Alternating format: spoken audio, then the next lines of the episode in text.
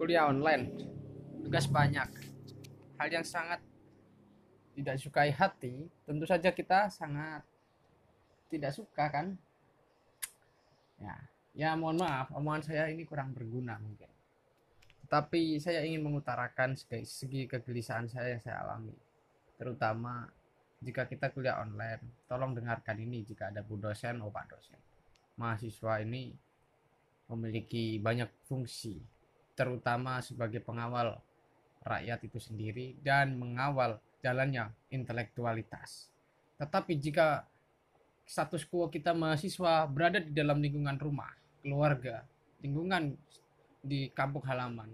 Tentu ini berbeda dengan lingkungan yang berada di dalam akademisi. Ya, itu yang pertama. Nah, selanjutnya menyikapi dari yang pertama tadi. Nah, perlu diingat jika di rumah banyak hal yang dilakukan. Tugas pun menumpuk, tetapi tanggung jawab di rumah juga menumpuk sebagaimana kita adalah anak dari orang tua. Tentu orang tua menginginkan anaknya untuk membantunya dalam keseharian.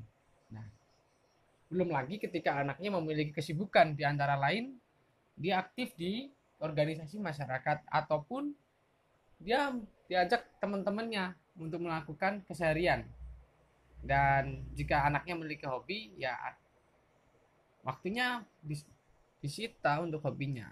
Nah, itulah kenapa kebutuhan-kebutuhan manusia yang selama ini diegoiskan oleh dosen yang diabaikan begitu saja untuk melakukan perkuliahan tanpa melihat kebutuhan yang ada.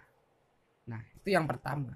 Nah, yang kedua, nah, dosen juga harus mengerti terkait dengan estimasi konstitusional dibawahi institusional. Kampus juga memiliki jadwal perkuliahan. Sebagaimana itu sudah menjadi pokok dan perjanjian awal di awal perkuliahan itu sendiri.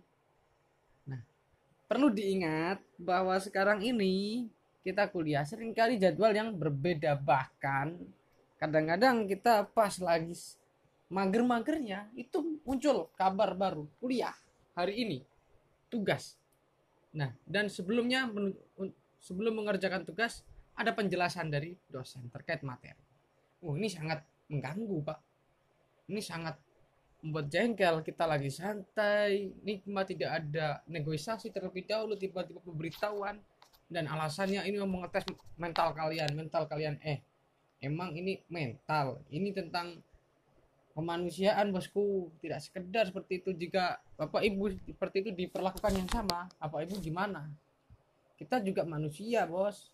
Anda juga manusia tolong mengerti lah satu sama lain. Kita juga punya otak. Digunakanlah otak yang baik.